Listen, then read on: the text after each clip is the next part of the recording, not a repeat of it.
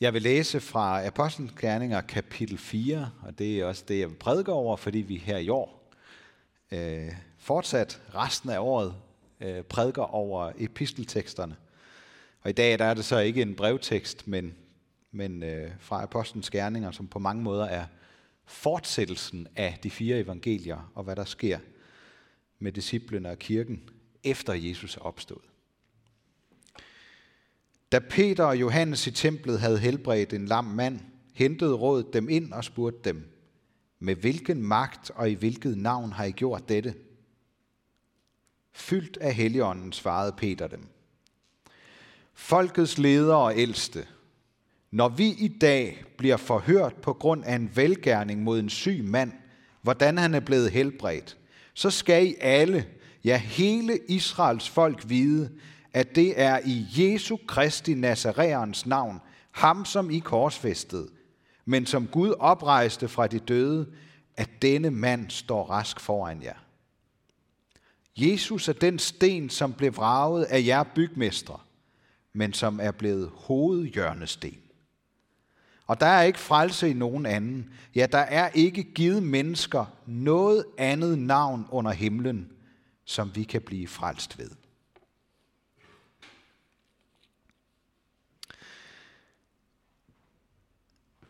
Hver gang vi har øh, fejret påske og Jesu opstandelse fra de døde, så kan jeg mærke, at så bliver jeg ramt af sådan flere forskellige modsatrettede følelser. Og måske handler det simpelthen om, at det er lidt for stort til at fatte. Det går så meget imod mine egne erfaringer af livet som noget begrænset og endeligt.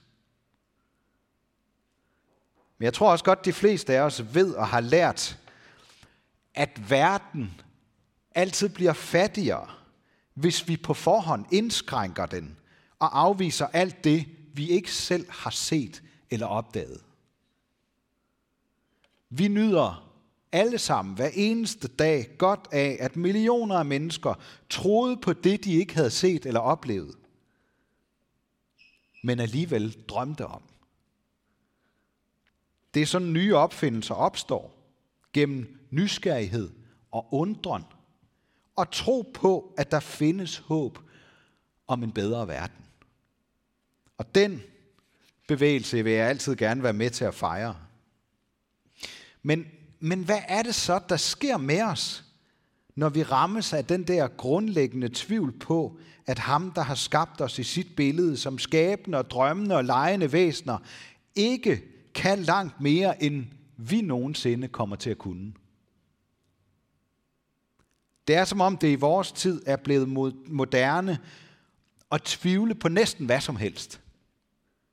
Tvivle på Hitlers holocaust, amerikanernes månelanding og magthavernes forbindelse med rumvæsener.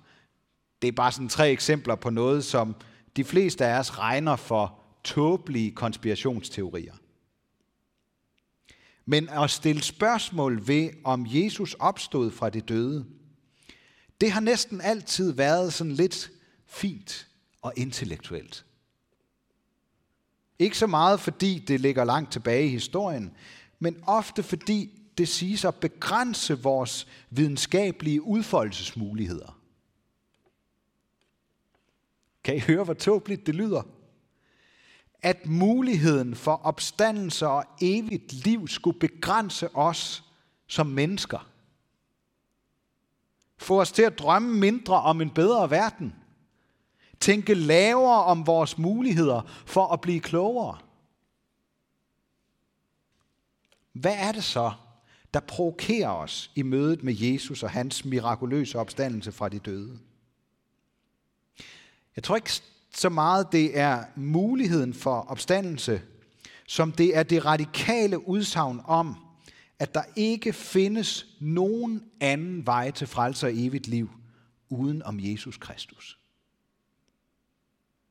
Det kan vi komme til at føle som en begrænsning. Og det sætter os på en måde på plads som mennesker, der ikke kommer til at kunne det samme som Gud. Lige meget hvor dygtige vi bliver til at helbrede og skabe og finde nye former for liv. Jeg har tænkt på, om det også handler lidt om at miste kontrol. For hvad var det, der fik de jødiske ledere til at være så skeptiske over for Peter og Johannes og deres helbredelse af den lamme mand? Så fjendtlige, at de spredte den første antikristne konspirationsteori om, at Jesus ikke var opstået, men var blevet stjålet og gemt af hans disciple. Den teori er for øvrigt blevet gentaget i forskellige afskygninger, både af muslimske imamer, Jehovas vidner og Da Vinci-mysteriet, bare for at nævne tre forskellige eksempler. Der er dybest set intet nyt under solen. Men det, der provokerer de skriftkloge og religiøse ledere, det er, at de ikke kan forklare, hvorfor den lamme mand kan gå. Ligesom det er meget svært at forklare, hvorfor tusindvis af kristne i det første århundrede efter opstandelsen ville gå i døden for deres tro på, at Jesus var opstået og levede i dem med sin ånd, hvis han i virkeligheden slet ikke var opstået og levede. De kunne umuligt have været radikaliseret eller hjernevasket alle sammen. Og mange flere ville have opgivet, der, flere ville have opgivet deres tro, hvis det havde været en fix idé, der fratog dem muligheden for et fredeligt liv.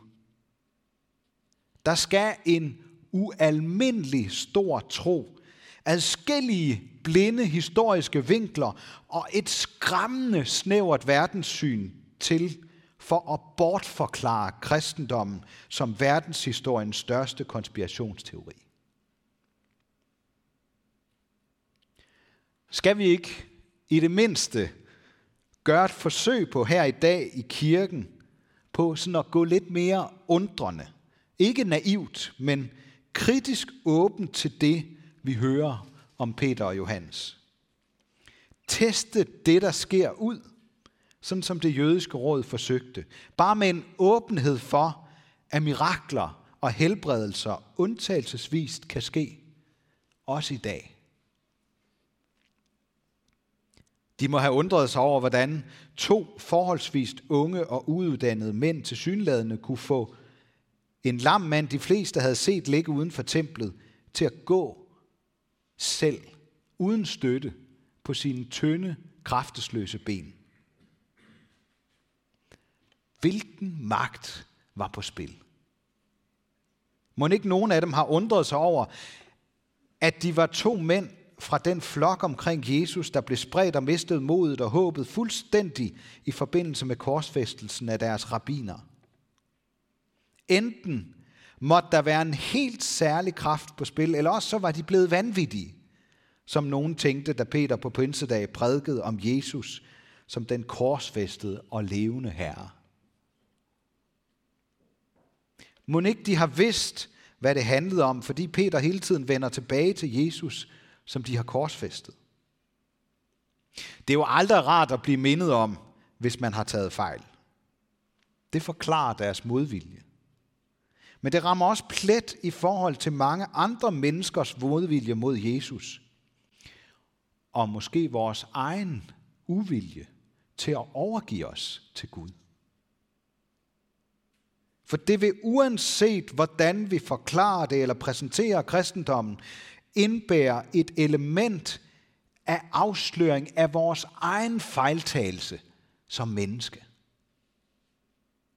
Vi er de lamme og uhelbredeligt syge, og kan ikke overleve uden Jesus og hans opstandelseskraft.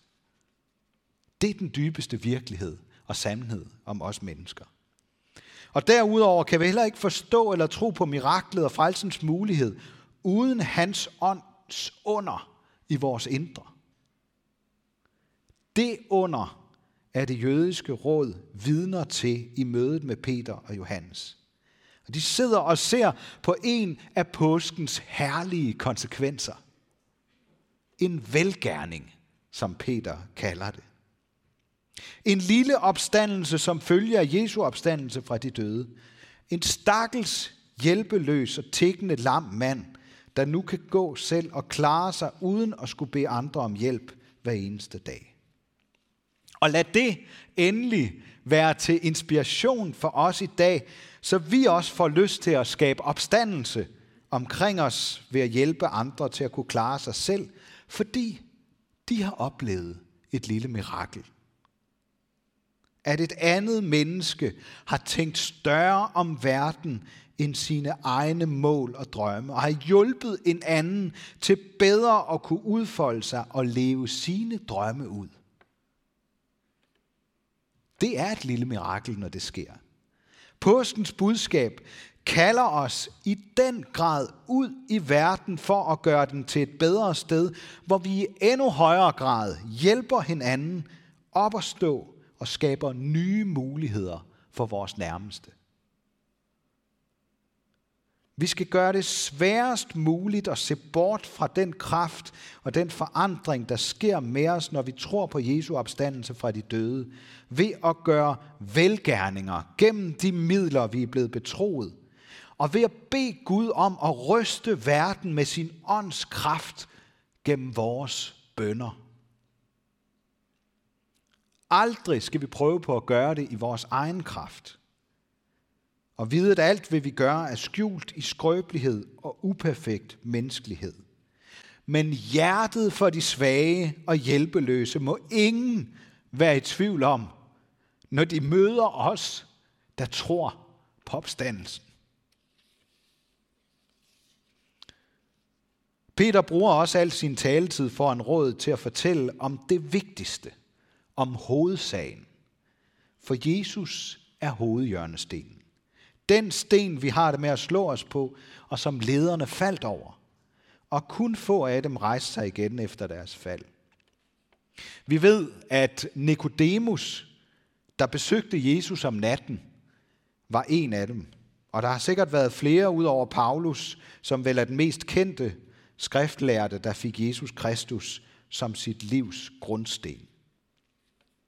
Jeg har bare endnu en gang lyst til at understrege, at vores kristne tro ikke står og falder med, om vi mener præcis det samme om alle etiske spørgsmål og indretter vores liv på samme måde. Så længe vi lader Jesus og hans ord og vejledning være målesnore for vores byggeri, så er han vores hovedhjørnesten, som vi kan bygge vores tro på og lade os udfordre af. Vi må og kan diskutere alt, også her i kirken. Men vi må og skal også holde fast i de dødes opstandelses mulighed og virkelighed. For ellers, ellers så er vi med til at begrænse hinandens udsyn. Måske er vi nødt til nogle gange at sige, at jeg vil ønske, at jeg kunne tro det, men ikke kan se det lige nu. Og så være i det mulighedens rum, som vi stilles i, når vi hører om de dødes opstandelse, i trosbekendelsen og beretningerne om Jesus. Så vil der ske noget med os, fordi Guds ord og ånd har en opstandelseskraft i sig, der ikke lader sig bortforklare. På min øh, ferie med familien i Hvide Sande i den her uge, der blev jeg lidt fascineret af den måde, man langt tilbage har reddet mennesker fra at drukne i stormvær på vestkysten. Ofte så var det for farligt selv at sejle ud med en redningsbåd i stormværet for at samle folk op af bølgerne. Lidt som sådan et billede på, at det er utrolig vanskeligt, hvis ikke umuligt for os mennesker, at redde os selv. Det vil som regel ende med, at vi alle sammen går under. Og jeg ser for mig, at der sådan sejler en masse både rundt og forsøger på det i forskellige religioners og ideologiers navne. Men det, der redde flest mennesker ude på vestkysten, det var, at man fra stranden skød en redningsstol ud på det synkende skib, som så blev bundet fast et sted på skibet. Og så kunne besætningen en efter en sætte sig op i stolen og blive skubbet ud på en svævebanetur over bølgerne og ind på land i sikkerhed. Jeg tror faktisk, øh, jeg har taget et billede med af den der redningsstol. Jeg ved ikke, om vi har den kan finde den frem. Yes, den ser sådan der ud. Kan I se, det er rigtigt nok. Det er ikke øh, bare noget, jeg finder på. Vi var ude og se det. Altså ikke i øh, funktion. Det kunne ellers have været meget sjovt. prøve sådan en tur der. Nå. Øhm, det var kun dem, der i tide satte sig op i redningsstolen og satsede på, at forbindelsen ind til land ville bære dem, der overlevede. De, der kæmpede for selv at klare det ved at redde skibet eller ved at svømme imod bølgernes rasen, de klarede det som regel ikke. Og jeg tror, det er sådan, det ser ud for alle os mennesker, der sejler på livets hav. Vi vil før eller senere blive taget af en storm. Men når vi hører skuddet fra raketten og ser redningsstolen flyve gennem luften, så er der håb om overlevelse, uanset hvor voldsomt stormen raser omkring os. Vi må satse alt og sætte os op i redningsstolen og lade os bære ind til det nye liv på den anden side af døden. Jesus Kristus er vores redningskrans og eneste mulighed for frelse og overlevelse. Eller, som jeg vil slutte med, som Peter også afslutter sin prædiken med at sige, der er ikke frelse i nogen anden. Ja, der er ikke givet mennesker noget andet navn under himlen, som vi kan blive frelst ved. Ære være Gud, vores far, der har skabt os i sit billede. Ære være Guds søn, der tog vores straf, så vi kan leve i frihed. Ære være Helligånden, ham der gør Guds kærlighed levende for os.